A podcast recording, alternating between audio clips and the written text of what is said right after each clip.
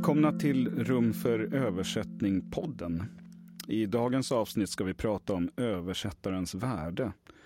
Alltså hur vårt arbete som översättare värderas på olika sätt. Ekonomiskt, socialt och litterärt. Och idag har vi med oss två väldigt trevliga och kunniga översättare här. Som båda har många järn i elden, kan man väl säga. Först skulle jag säga hej till Elin Svan. Hej Elin! Hej hej! Du är forskare i översättningsvetenskap på Tolk och översättarinstitutet på Stockholms universitet och Sveriges första filosofie doktor i översättningsvetenskap. Det är en bedrift. Um, ja, nu råkade det bli så, bli så ja. att jag var först ut. Mycket bra. Mm. Eh, du är också översättare från franska. Mm. Hur länge har du hållit på? Ungefär? Um, min första översättning kom ut 2012. Mm. Uh, litterär översättning. Mm. Ja, Bra, och sen på avstånd ifrån Lund så har vi med oss Inger Johansson också. Hej Inger! Hej på er! Hej! Här är jag. Själva sitter vi i en studio här faktiskt för första gången i RFÖ-podden. Eh, så det känns väldigt trevligt och mysigt. Och vi ser Inger ifrån hennes trevliga arbetsrum, tror jag. Mm, på en skärm. Eh, kort introduktion till dig. Du är översättare från engelska och rumänska där det är väl svårt att undvika ditt, din mastodontinsats med att översätta Mircea Cartarescos verk till svenska eh, över ett antal år. Du har också varit ordförande i översättarsektionen tidigare och tilldelats de tunga priserna får man väl ändå säga. Elsa Thulin-priset, Akademins översättarpris, Letterstedtska priset, De nios översättarpris två gånger, med fler. Räcker mm. det som mm. introduktion, Inger? ja, ja, visst, visst, visst. Det är inte precis något jag går och tänker Nej. på dagligdags. Men det är, Vi det är andra fint. kanske tänker på det. ja, det är otroligt. Ja. ja, när man radar upp det sådär. Uh Och du har ju faktiskt översatt från och med år 1971, så 50 år. Ja. ja. Är, är det inte läskigt? Nej, jag, jag, tycker det är fantastiskt. Eh, jag som ska leda det här samtalet heter Daniel Gustafsson och jobbar på Översättarcentrum i Stockholm. Vi, det är vi som producerar den här podden. Det är ett samarbete ska jag säga med översättarsektionen vid Sveriges författarförbund och Akademin Valand på ett hörn. Och jag är också översättare från i första hand ungerska, lite engelska och nu även författare. Eh, Bra, då har vi presenterat oss här. Då ska vi börja prata om hur man värderar oss översättare. Både inifrån och utifrån tror jag. Jag tänkte börja med eh, en fråga som är både en evig fråga, tror jag, och samtidigt kanske en icke-fråga eh, för översättare, nämligen pengar. Och då har jag tittat lite i din avhandling, Elin. Mm där du översätter så att säga, översättarskapets sociala dimensioner ganska mycket. Mm. Kanske inte de strikt ekonomiska. Mm. Och du tittar ju på en ganska bred palett av översättare så att det inte alls bara skön och facklitterära som du tittar på. Precis. Mm. Ja, men jag tycker ändå man ser några tendenser som kommer fram kring mm. ekonomiska villkor. Mm. Det är en massa intervjuer, enkäter och djupintervjuer mm. som du har gjort. Mm. Skulle du kunna sammanfatta lite kring det ekonomiska, hur översättare tänker kring ekonomi? Ja, eh, alltså det jag tycker är intressant angående det, det är eh, alltså bland, bland eller fram, först och främst kanske man ska säga just den här eh, viljan att man, att man inte räds att tala om, om pengar och ekonomiska frågor, för det finns det eh, liksom andra studier från andra länder att, att, man, att man kanske inte vill prata om, om pengarna, som till exempel från eh, Eh, i Israel finns det lite studier av en forskare som heter Stella Sheffi eh, vad, vad gäller just litterära översättare. Men, men det jag har sett här i Sverige det är att man absolut liksom känner att det är viktigt att prata något. Det är någonting man liksom inte räds som vare sig liksom kollegor emellan eller att prata med, med mig liksom som forskare heller. Utan att det finns liksom en förståelse om att det är grunden och att det är det vi behöver prata om det för att liksom, eh, ta det framåt. Liksom så. Eh, sen kan man väl säga att det är precis som du säger att jag tittade framförallt i den här enkätstudien som jag gjorde. Det, där var liksom, målet med den var att eh, nå ut till så många översättare som möjligt, liksom olika sorters översättare. Eh, mm, och jag har inte tittat specifikt på de litterära översättarna där, men det man kan säga är att eh, jag, jag tittade på hur anställda översättare respektive eh, frilansöversättare, deras liksom, nöjdhet med inkomstnivån. Och där kan man säga att eh, de ehm, de, de flesta, för eftersom liksom de flesta skönlitterära översättare är ju frilansare då, så kan man kanske dra några slutsatser utifrån, utifrån det. Och de flesta hade ju svarat att de var varken missnöjda eller nöjda, så att säga. Mm -hmm. Ungefär 30 procent någonstans hade svarat det.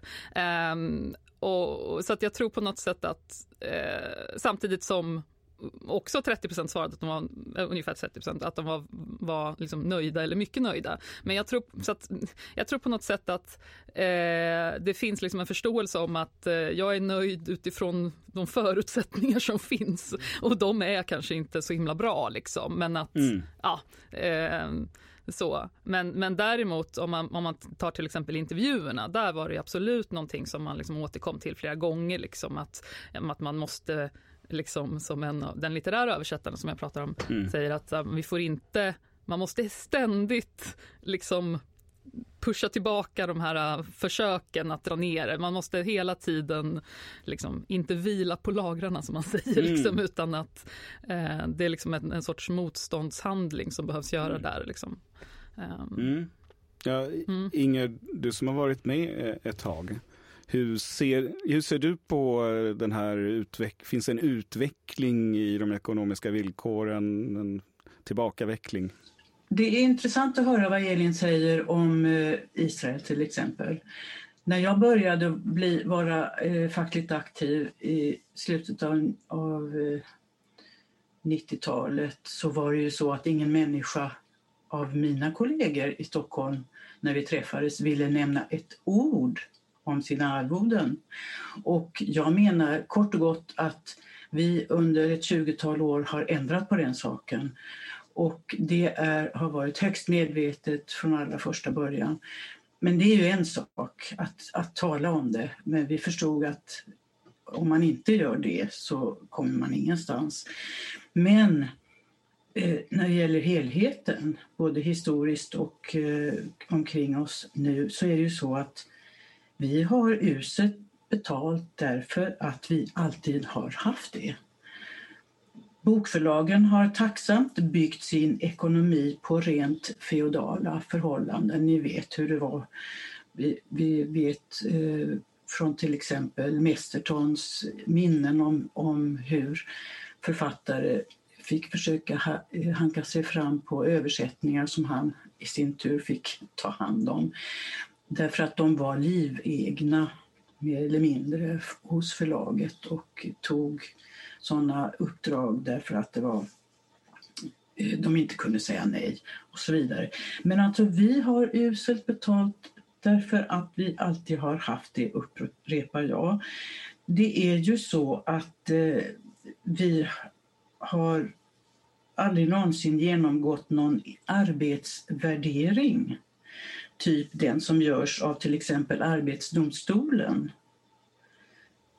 Det är ju inte så, utan vi, har, vi började på låg, jättelåg nivå och har därifrån då knegat oss millimeter för millimeter lite högre. Men alltså eftersom vi lever i en orättfärdig ekonomi där en Postnordchef kan ge sig själv 700 000 i månaden och, och Attendo-ägare kan få eh, 150 miljoner i bonus av statliga pengar samtidigt som inte sjuksköterskor får någonting. Och influerare kan sälja sina namn och sajter för miljoner. I en sån ekonomi kan man inte förvänta sig att vårt arbete ska värderas efter förtjänst. Och eh, om man resonerar på det viset att det skulle kunna gå så menar jag att man är helt fel ute. Det här är godtyckligt fiktivt, gripet ur luften. Det är så därför att det har mm. varit så historiskt.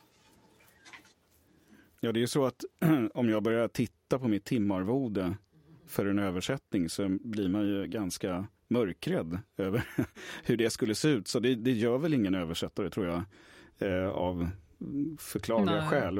Eh, men ja, du menar att det är en historisk, ett historiskt faktum att vi har börjat på en låg tröskel och arbetat lång, oss långsamt uppåt. Men att nå någon slags rimlig ersättningsnivå, finns, finns, det en, finns det en möjlighet till det? Vad säger ni? Ja, alltså det, det är ju också det här att, att vi blir arvoderade per, alltså per tusen tecken. Då. Det blir, då blir det ju på något sätt oundvikligen kanske så att ju mer man jobbar med något, ju mer man tänker, funder, alltså, så, så, så går man back, eller vad man ska säga. Ehm, därför att ja, man får liksom inte betalt för tiden man lägger ner utan för det som det står på pappret. Liksom, så. Ehm, men ja. Mm. Men... Jag menar att det är så och kommer alltid att förbli så därför att eh, de ekonomiska strukturerna kring eh, bokutgivningen är som de är. Eh, förläggarna, förlagen betraktar ju vår alltså översättningskostnaden som synnerligen hög. Mm. Mm. mm.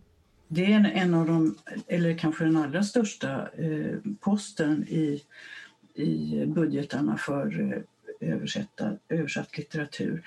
Men att det kommer att förbli så vågar jag påstå efter ett tiotal år som rätt militant aktivist vid förhandlingar med förläggarna om ersättningar och villkor.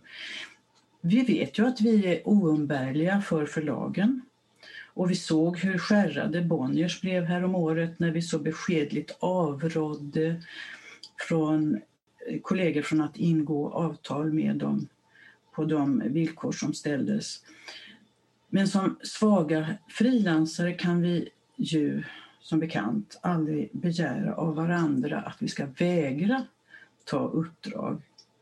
Därför är det bortkastat menar jag att spekulera i det här eh, vad som skulle stå i vägen för förbättring. Alltså mm. som du Daniel har antytt tidigare. Alltså eh,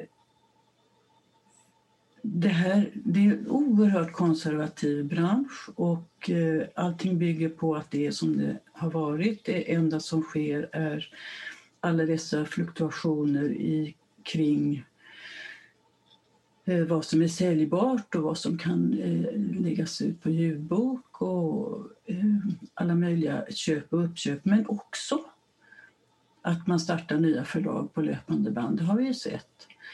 Men allt bygger på, när det gäller översättningslitteraturen, att vi kan hållas kort och nere och inte...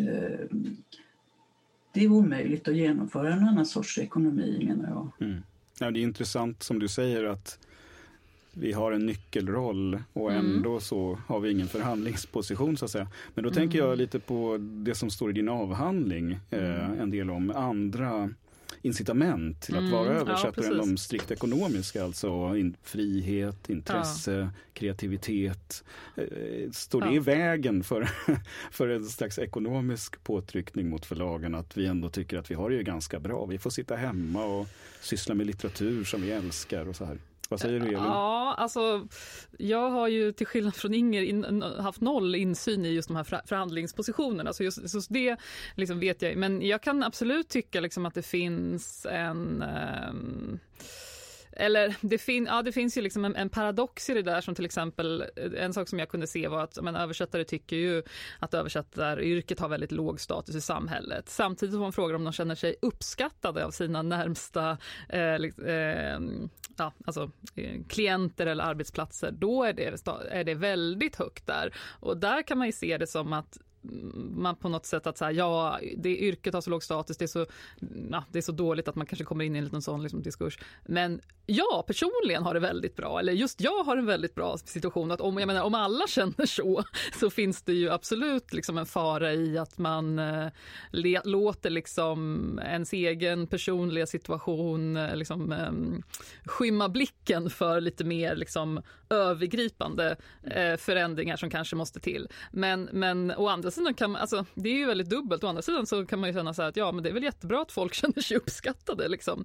Eh, så det är väldigt, eh, väldigt dubbelt där, men jag, precis så som du säger, liksom just de här andra eh, liksom aspekterna är eh, väl, eller så har jag, så tyckte jag mig kunna se i alla fall, eh, som alltså väldigt, eh, väldigt viktiga. Och också liksom att Ja, men som till exempel i de intervjuer jag gjorde, det var ju två, två av fem hade mm, eh, bytt till översättaryrket i liksom 40-årsåldern för att det var, så att det är liksom ett väldigt eh, Alltså alla kände väldigt liksom starkt för att vara översättare och för översättaryrket och att det är väldigt, ett väldigt, liksom, vad ska man säga, eh, personligt eh, ett val liksom man har gjort.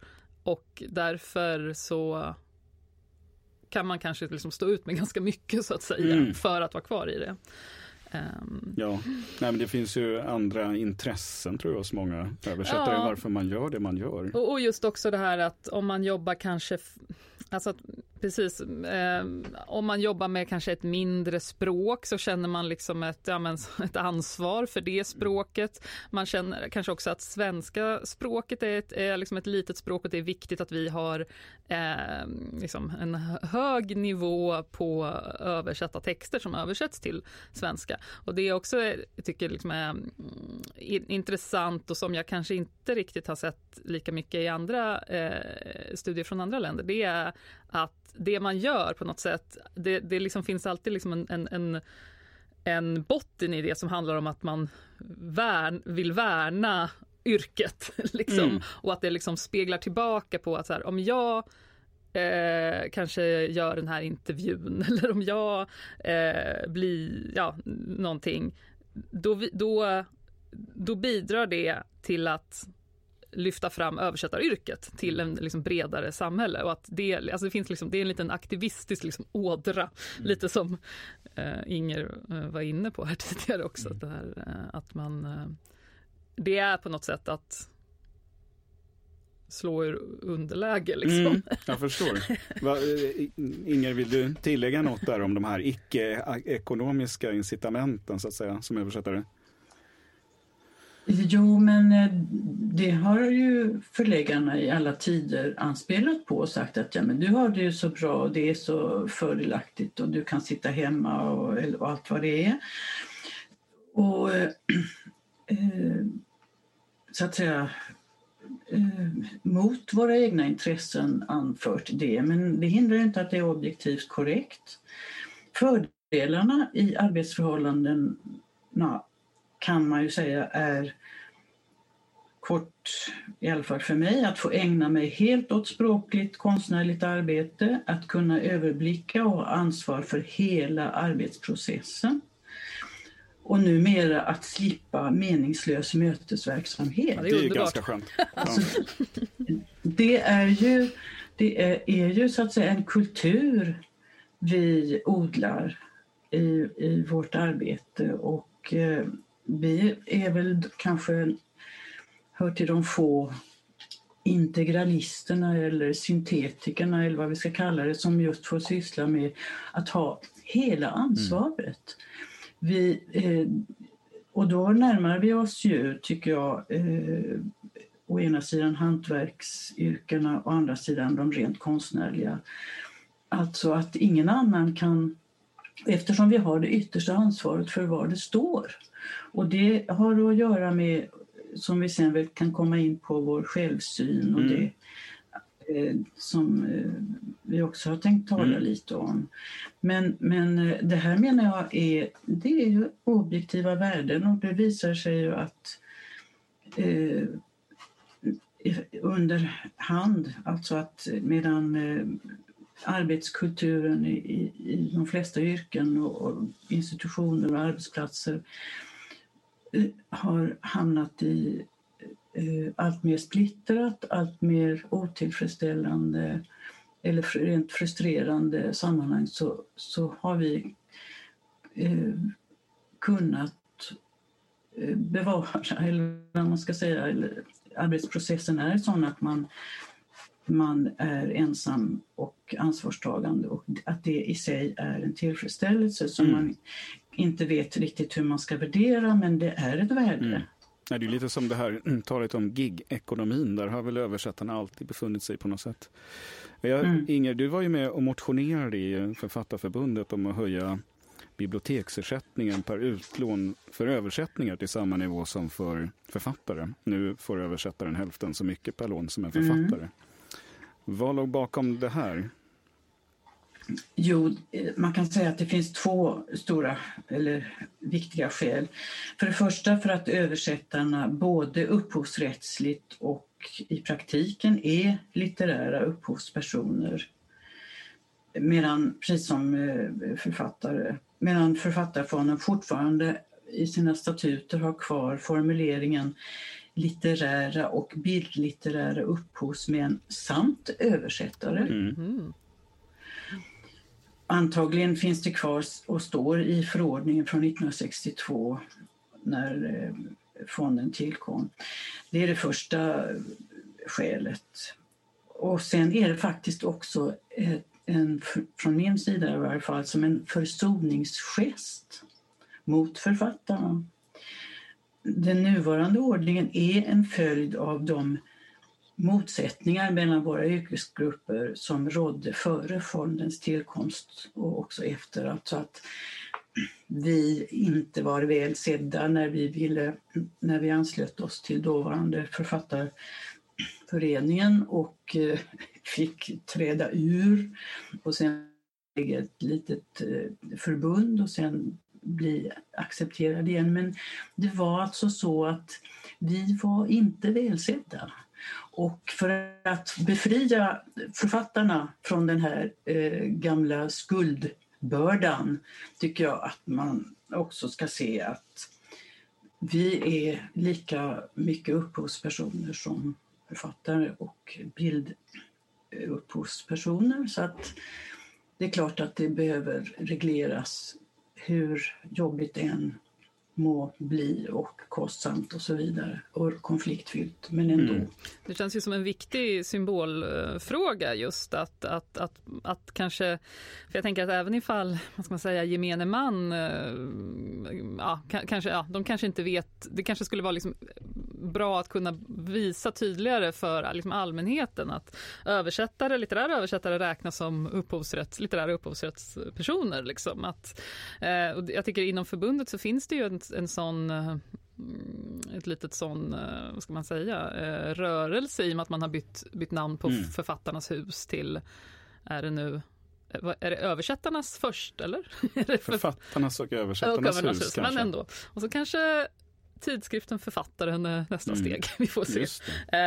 Mm. så. Nej, men så, så, om jag förstår det här rätt då, Inger och mm. Elin, så är det ju också en en slags statusfråga då vi talar om. Ja. Lika mycket som en ekonomisk fråga. Kanske mer än en statusfråga. Det bästa är väl om de, om de kan gå i hand i hand. Alltså. Ja, ja. Jag vill inte heller värdera utan det är mm. en sorts anomali som råder och den borde ändras. Mm. Mm. Nej, men vi kan väl komma in lite på, på den typen av värdering, då, so social kanske, eller samhällelig mm. värdering eller vad vi ska kalla det för. Eh, Elin, din avhandling handlar ju mycket om just det. Mm. Eh, alltså in, den heter ju The Dynamics of Extra Textual Translatorship in Contemporary Sweden. A Mixed Methods Approach, man vill läsa hela. Ja. Alltså vad, vad som skapar översättarskap eh, ja. utifrån så att säga. Mm. Eh, och att, sta, att övers i översättarens självbild eh, är den här statusen som skapas genom yttre faktorer en viktig eh, del, så att säga. Eh, vad, vad, vad, blev dina insikter när du hade gjort alla de här intervjuerna och enkäterna kring, kring ja, just alltså, det här? Alltså, kort. Ja, kort. Ja, ja. precis. Det, det, det, det, var ju några eh, år så att, och sen så hade jag, satt jag med massa material som jag var tvungen att liksom försöka mm. göra någonting. Nej, men alltså framförallt eh,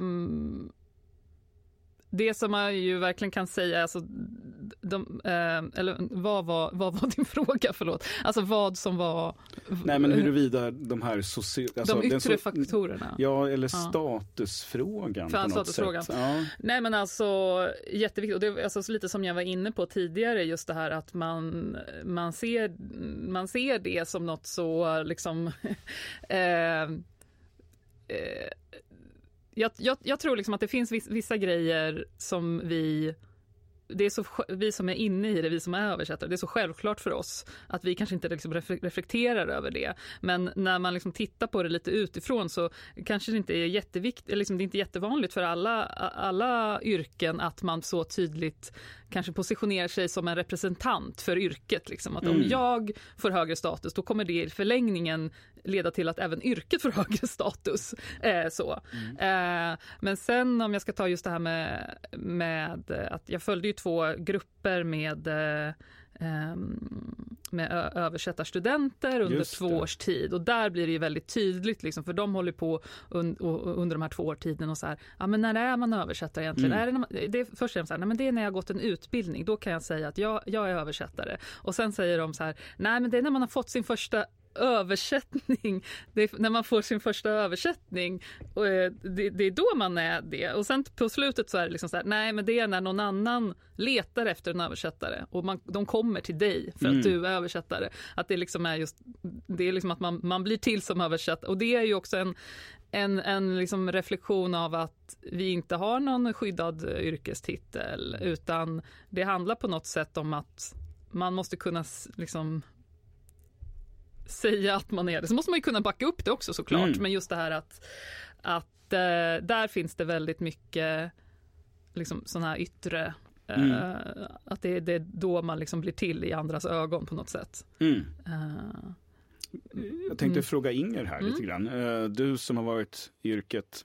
längre än oss andra två här. Eh, tycker, du att, tycker du att översättarens status, om vi bortsett från den ekonomiska då, har förändrats över tid? Alltså är översättaren mer synlig i än när du började? Och sådär. Får vi mer utrymme? Syns vi mer?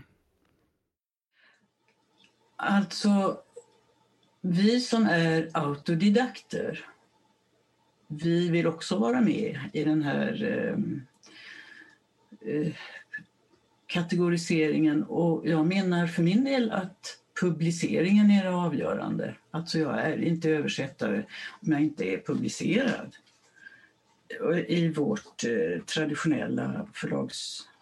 Eh, vår bokvärld. Men eh, eh det här med synligheten och så vidare. Alltså varför ska vi synas? Vi har eh, nu alltså, vi som är min generation, vi har hållit på i 20 år och eh, tampats med eh, alla möjliga redaktioner. Mm. Alltså eh, för namns nämnande och vi fick in eh, vite för namns utelämnande och eh, alla, alla eh, ställen i offentligheten där översättare inte nämns. Alltså inte mm. konstigt att vi har blivit kitsliga och eh, eh, lättstötta. Där mm. Vi har alltså haft en sorts tyst kamp där mm. väldigt många har varit aktiva. Man har tjatat på tidningsredaktioner man, och tv-redaktioner och man har hört av sig till överallt. Där det har fattats.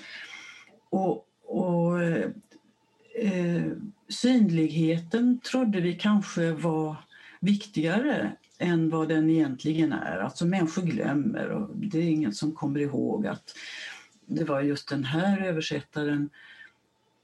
Inte så många som vi tror i varje fall. Men jag kan egentligen inte se eh, att det har ett Eh, värde i sig utan det, är en nödvändighet. Och det är inte för att det är bra eller roligt eller, utan det är för att det bör vara så att eh, eh, eh uppmärksamheten eh, formellt eh, genomförs och är så att säga hör till anständighet att man, att man nämns och uppmärksammar. Men det, det, har varit ett himla tjat om synligheten. Och eh, vi har ju ältat många gånger att det finns ju så hemskt många översättare som inte vill synas. Och det är inte så att eh, alla är beredda att eh, stiga upp på en estrad och visa sig eh, bildligt eller, eller bokstavligt utan det är eh, erkännandet för arbetet som är det väsentliga och sen är det inte så himla viktigt hur det sker men eftersom eh, det går till som det gör så är det ju med namns nämnande och, och eh, en sorts respekt som vi faktiskt har vunnit. Eh, det vill jag påstå. Och, och det finns ju ett, ett intresse, alltså ett latent intresse bland läsare, jag ska inte säga Mm. allmänheten för det tror jag inte, men hos läsare Mm. finns det. Många är mycket mer intresserade av själva översättandet än de egentligen själva vet om. Mm. Att de faktiskt bryr sig om språket och undrar och vad är det här och hur är detta gjort och så. Men själva eh, poängen med att vara synlig menar jag är kluven. Alltså det, Det har är, det är inte en sorts- självklart, det är inte självklart Nej, det något är- positivt. Så att säga. Jag menar att det är en schablon och man kan säga att okej, synligheten står för en, del, en sorts erkännande. Men, men jag tycker man kan variera när man säger att eh, eh, vi ska bli mer synliga. Det är Mm. Mm. Jag inte förstår. det. Mm.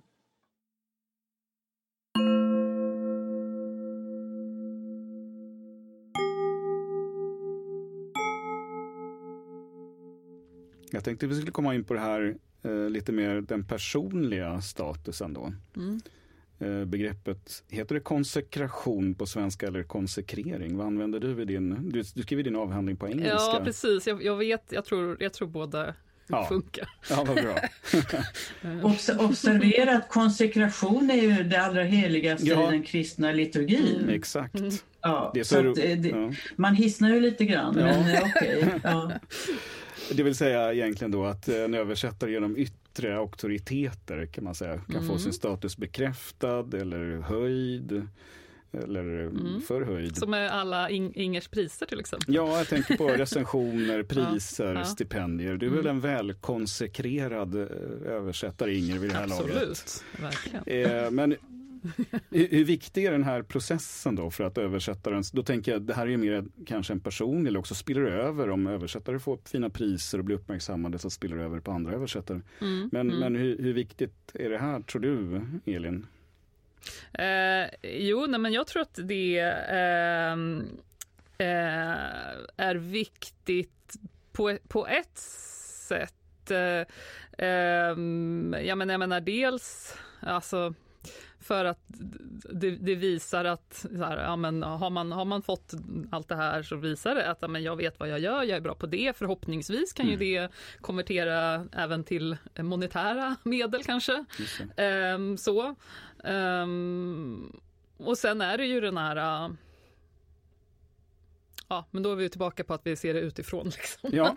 Så det Mm. blir, man kommer tillbaka till det hela tiden. Men, ehm, men liksom, och, och, och också så här på något sätt så här, inom, eh, inom yrket så blir det ju också ehm, en del av de liksom, ritualer som finns, eller man ska säga. Att det är Ja. Elsa Thulin på våren och sen så, alltså lite, ehm, Går översättare och drömmer om de här priserna tror du? Är det en slags eh, mål kanske man har eller en uppfyllelse av någonting?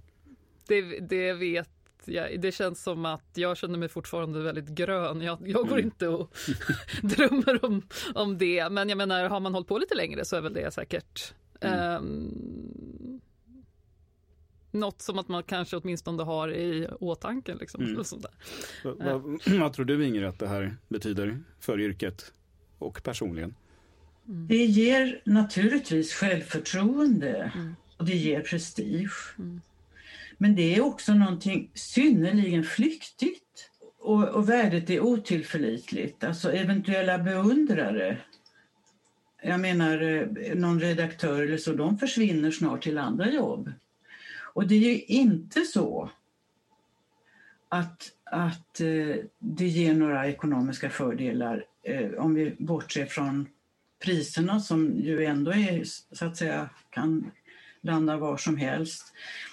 Alltså, udda språk ger ingen fördel. Nobelpristagare ger bara status, inga högre arvoden. Däremot vill jag påstå att gensvaret från kollegorna är det värdefullaste. Och likaså eh, möjliga mentorsrelationer. Det är sånt som förekommer i konstnärskap. Alltså, eh, inte så att man får adepter, men, men alltså eh, vi, hyser, vi beundrar ju varann för, för saker och ting på goda grunder. Men det är ju inte så att, att den belönade får det lättare att lösa sina svåra uppgifter.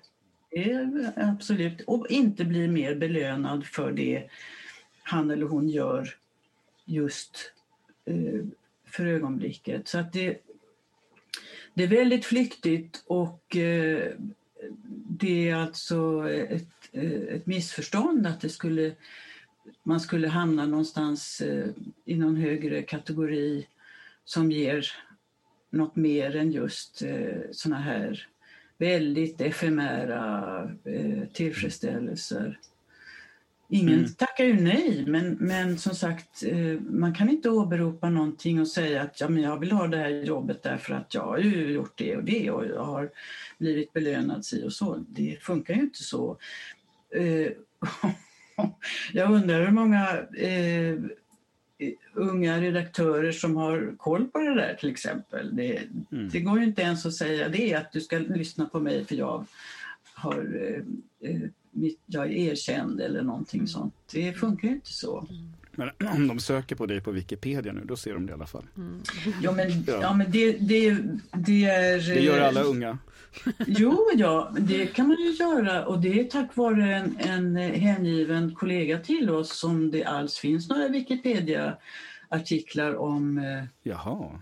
Ja visst, ja, det, det är eh, Jörgen Antonsson som hade en sån period Jaha. när han eh, Eh, flitigt och samvetsgrant eh, eh, skrev in och det har ingen någonsin mer än så här enskilt erkänt honom för. Mm. Men nu kan han, han få borde en... ha fått medalj. Ja, han borde ha fått en medalj, ja. pris.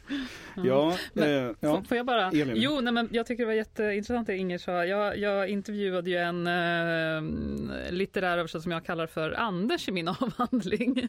Eh, som eh, som också var inne på precis det här att erkännandet får man inte, man kan inte få det utifrån, man kan inte få det från liksom samhället, för samhället eh, vet, eller liksom, ja, från recensioner och så, utan det får man från kollegor, man får det från andra som förstår. Liksom. Och då kan man ha gjort en jättesvår sak och det är ingen recensent som liksom eh, fattar det så att säga. Men däremot kan det komma en kollega två, tre år senare och bara du, jag läste den här, vad jävla bra. Alltså det är liksom där på något sätt eh, man får hämta kraften. Mm.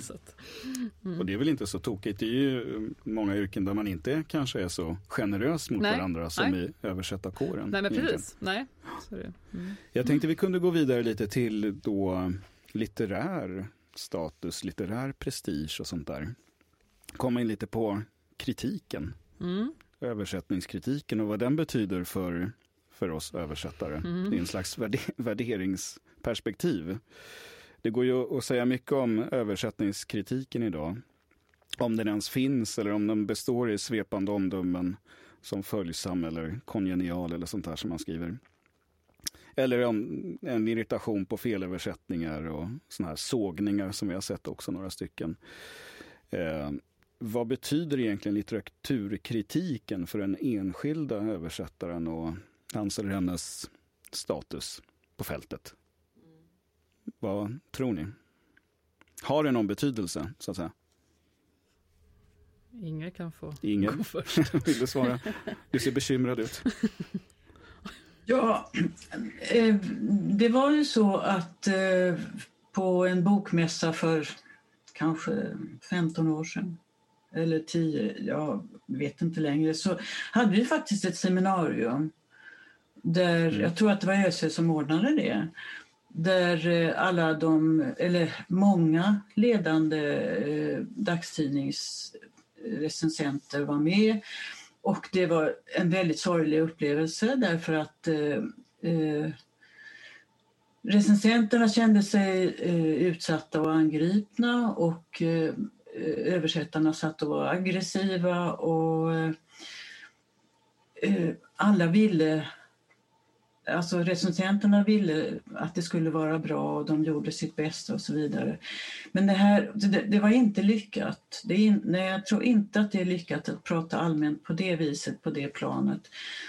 Eh, och sen vet vi ju numera att eh, kritiker mm. får jättedåligt betalt och eh, det är allmänt omvittnat att eh, just omdömen om eventuella eh, omdömen om översättningar är det första som mm. stryks ner när det måste kortas. Och det, under, när, de, när recensenter vet att det är så så måste det vara oerhört otacksamt att reflektera över just... Men det hindrar ju inte att det görs, att det, att det finns eh, väldigt... Eh, att det har utvecklats, det skulle man kunna skriva om. Att det faktiskt har utvecklats från det här följsamma eh, och smidiga och så och språkdräkten hit eller dit eller av och på.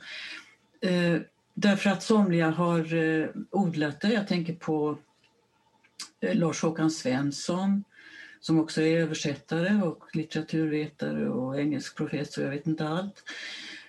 Som alltså har utvecklat ett sätt att Eh, Eh, göra det till en integrerad del, göra kritiken till en integrerad del av sin recension. Och, alltså en läsart om vi så vill och det är väldigt givande att läsa. Vi har Ingrid Elam, vi har Aris Fioretos. Det finns en, en hel del som... Eh, men jag undrar om de liksom... Eh, vad ska jag säga, det kanske är otacksamt också. De, många har kanske kommit till en, en ny sorts, alltså fått ett, ny, ny, mm. nytt sorts intresse för det. Det är möjligt, men jag undrar om inte eh, vad ska jag säga, den, eh, den eh, djupsinniga eller utförliga översättningskritiken ändå hör hemma i med andra ord och eventuellt andra tidskrifter. För det, där funkar det ju bra. Eh, att saklig översättningskritik lägger grunden till både språklig och litterär diskussion. Mm. Det vill nog många ha. Alltså även läsarna, dagstidningsläsare. Men eh, det är ju jättesvårt att veta hur eftersom det handlar om konjunkturerna. Alltså vad, vad ska man ha på på kultursidorna och tycker folk verkligen att det här ja, är kritiken någonting? Kritiken får ju allt mindre plats också på kultursidorna och då är det klart att uh, ja. översättningskritiken får ju en minimal plats. Men jag tänkte fråga ja. Elin här, uh, tas det här upp av dem du uh, pratar med? Betyder det någonting mm. att få bra recensioner så att säga? Um, ja, um, de litterära eh, som jag eh, intervjuade, eh, litterära översättarna, de pratar om det. Men det är ju också just det som Inge var inne på tidigare, att det ses ju som ett väldigt liksom tvåeggat svärd, eller man ska säga. Å ena sidan kan någonting lyftas upp, eller så kan det skjutas ner och det är liksom, ibland kan det ju tyckas liksom godtyckligt vad mm. det blir, så att säga. Mm. Eh, men där tror jag också, liksom, för du var inne på det här, just det här vad det betyder för individen, att det beror väl på vad kanske individen, eh, hur de värdesätter recen recensören, recensenten mm. i fråga. Eh, för jag menar, då, då, återigen, det blir ju viktigare liksom om man ja, det är väl så är det väl i allmänhet, liksom, att här, eh, om någon säger något bra från någon man litar på så, mm. så betyder ju det mer. Liksom. Men absolut tycker jag att man, jag menar de senaste, senaste året så har det ju varit ett, några ett gäng ganska hårda mm. Eh, liksom, eh, recensioner, översättningsrecensioner och det kan ju få väldigt um, förödande konsekvenser mm. liksom, för den enskilda översättaren liksom, vad gäller kanske nya uppdrag eller mm. liksom, sådana saker. Och det vet man ju inte riktigt ifall de, det kanske inte liksom, de liksom bör ta i åtanke heller, men man vill ju ändå gärna att det ska finnas lite på fötterna då så att säga. Mm. Alltså, um, det bör vara sakligt åtminstone. Ja, ja, jo men precis. Det, det, det är väl ett bra riktmärke. Mm. Jag läste en artikel av Amanda Svensson i den här Amanda Gorman-debatten i Aftonbladet som hon skrev där hon menar att ingen yrkesgrupp är så lättkränkt som översättare. Och nyligen i den här litterära kritikerpodden Gästabudet, vet inte om ni har lyssnat på den, mm. en rad unga kritiker som pratar ganska länge och omfattande om litteratur på olika sätt. De hade ett översättningsspecial på två timmar ungefär, där eh, författaren och kritikern Lyra Colli eh, påstår att översättare till och med är mer lättstötta än poeter när det gäller negativ kritik. Vad säger ni om sådana här eh, konstateranden? Har översättaren särskilt stingslig eller uppblåst självuppfattning? Ja, men eh, eh, jag återvänder till det jag sa eh, tidigare. Att de yngre kritikerna kan ju tillåta sig att ignorera det här med att vi har fått slåss för eh, väldigt fundamentala saker. Mm. Eh, påtalar påtala utelämnade översättarnamn och tampats med redaktioner av olika slag. Det kan de, de kosta på sig i sin i sin ungdomlighet och sin att, så att säga, raljera över det. Eh, det intressanta tycker jag är ju att det här är faktiskt en, eh, vad ska jag säga, det är yrkes, det är det kollegiala sättet att reagera och det tycker jag vi kan fortsätta vara. Eh, å andra sidan så, är, så ska det ju sägas också att det är en poäng att det gäller bara i offentligheten. Den interna översättarkulturen kännetecknas tvärtom av översättarnas totala prestigelöshet. I samtal händer det jämt att vi inte ens kommer ihåg vad det är vi har översatt. Varken mm. titlare eller författare. Och det här har uppmärksammats massor med gånger inte minst av författare som har varit på besök på, på översättarmöten och har tyckt att det var väldigt avspänt hos oss därför att det är så här prestigelöst. Så att, eh, och det kanske är någonting att skicka med till Elin att det här är en uppenbar gruppanda. Att utåt så eh, är vi humorlöst stridsberedda för eh, att och, och tar tar eh, strid för varann. Medan eh, internt så, och kollegialt emellan så har vi inte det minsta an, eh, intresse av att försvara våra egna eventuella prestationer. Men alltså, eh, vi har haft på, på översättarnas eh, interna stora lista eh, i Författarförbundet så har det till exempel den här gångna säsongen när det har varit ganska trista sågningar av eh, hela böcker och eh, mm. kategoriska som jag inte har sett maken till tidigare så har det ju visat sig att försvaret har stigit fram. Det har varit riddare i stålrustning som har försvarat och påtalat brister i själva kritiken. Det har jag gillat. Mm. Eh, det är också en kåranda, alltså en positiv kåranda. Därför att man, man eh, eh, har, har visat det ohållbara i vissa påståenden och sånt där. Sen bryr jag mig inte så jättemycket om att Lyra Kohli tycker att jag och andra är kitsliga. Därför att eh, eh, jag har tampats med henne också om andra saker. Mm. Mm -hmm. Där ser man. Ja. Nej, men jag, bara säga, jag, jag, jag, ser det också som ett uttryck för den här att man känner sig eh, ja, nedvärderad liksom helt enkelt och att man då eh, behöver... Nej, eh, jag tycker att det har med sakligheten ja. att göra. Alltså, det, eh, det är sak, mm. bristen på saklighet som, har, som försvaret har handlat om. Inte eh, mm. prestigemässigt eller så utan ha, frågan har varit har eh, den nedgörande recensenten haft fog för sin kritik eller inte? Och eh, sakligheten är enormt intressant. Mm. Jag tänkte att vi skulle mm, komma in avslutningsvis här lite kort på på det här som har debatterats mycket nu under, under våren med Amanda Gorman-översättningen. Jag tycker att den handlar lite grann om hur man värderar, i alla fall utifrån översättning och eh, översättare har uppenbarligen uppfattat det så.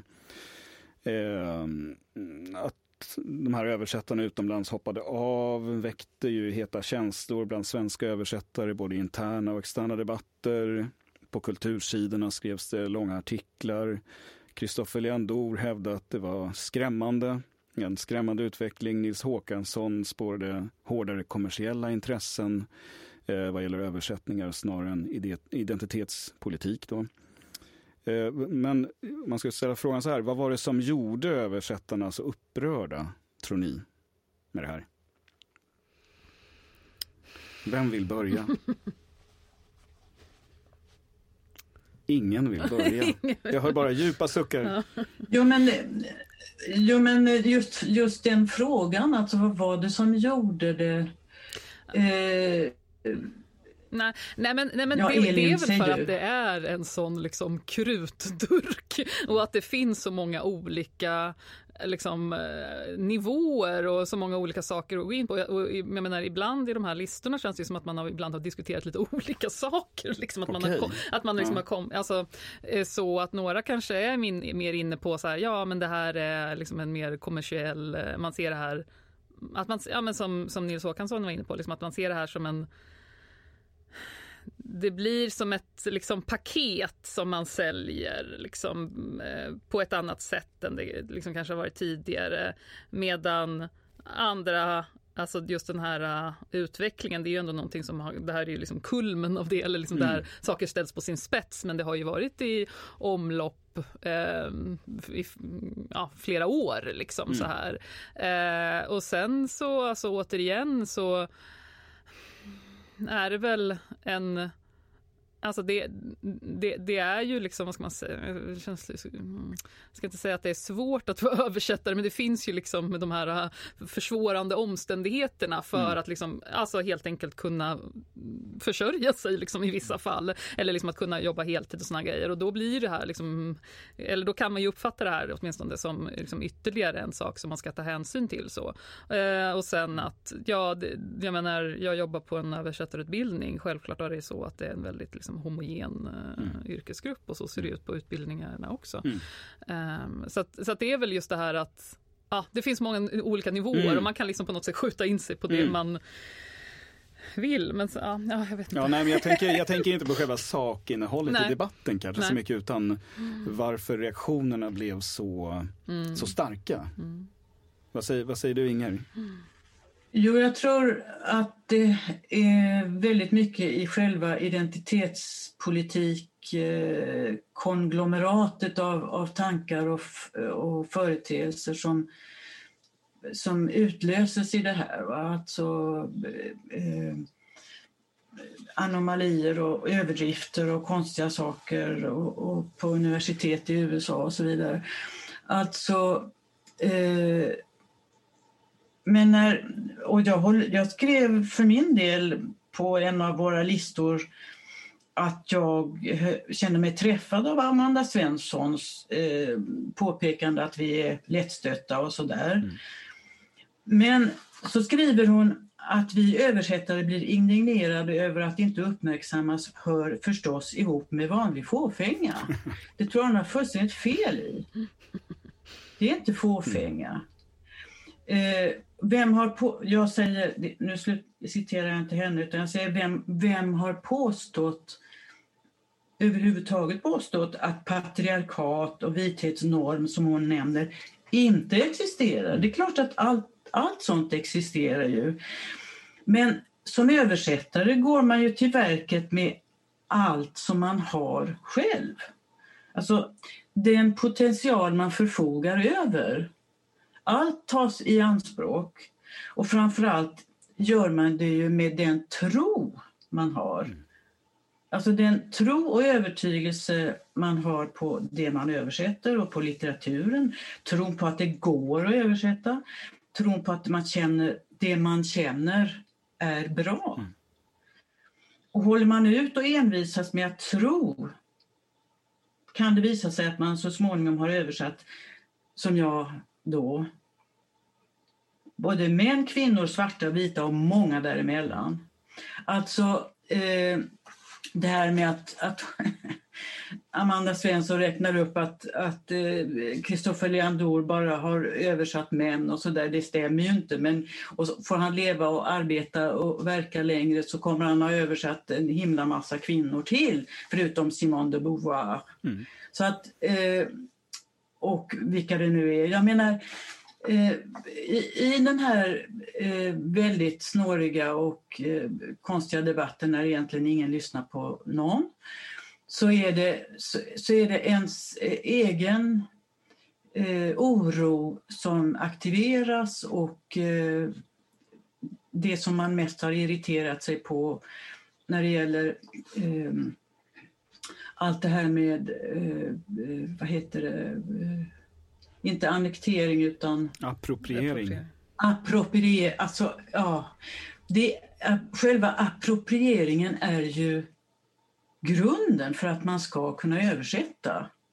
Hur kan jag annars göra anspråk på att vara någon som kan tolka någonting om jag inte får försöka sätta mig in och vara den som blir det här språkröret eller, eller eh, den som tolka mm. detta.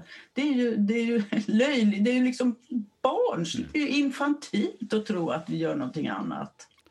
Ja, nej men det är väl en, eh, en intressant debatt ändå på det sättet att den ändå, om vi ska återgå till mm, rubriken för det här samtalet då, hur värderas översättning, att den har ju ändå lyft upp så att säga översättarens funktion och översättarens mm. vikt mm. på något vis. Mm. Att, kultursidorna. Eh, på, på kultursidorna. även om det har varit eh, hetsk stämning ja. lite sådär. Så blir det ändå slags fokus på att eh, översättning har ett, ett värde. Och den har en, ett, ett innehåll och den är viktig för eh, litteraturen. Kan det vara en positiv tolkning av det här? Eller vad tror ni? Avslutningsvis. Ja, säger jag i så fall. Ja. Nej, men alltså att fler får upp ögonen för liksom, svårigheter med att översätta, hur översättaryrket liksom, ser ut, hur det fungerar. Jo, men absolut, det kan jag tycka är. Sen är det ju eh, lite tråkigt att det skulle bli så hetsk stämning så att mm. säga. Men, men eh, ja. Mm. ja. Inger? Mm. Vet ni vad? Jo, ignoransen, okunnigheten, behöver, behöver och bör alltid bekämpas. Alltså, eh, och det, det, kan man gå till sig själv och eh, eh, hävda överallt att okunnighet bör alltid bekämpas. Och det konstiga är att ignoransen vinner alltid mark. Den har lätt för att breda ut sig och därför måste eventuella framgångar för översättandet och dess utövare alltid försvaras och erövras på nytt. Mm. mm. Kampen går vidare. Ja, det var väl uh, fina, uh, en fin slutplädering tycker jag här. yes. alldeles innan mm. vi drar streck för det här avsnittet. Mm. Jag ska bara passa på att tacka er båda två för att ni ville vara med. Elin Svan, Inge Johansson. Tack. Ja, tack mm. för att du fick komma. tack och hej. Vi hörs igen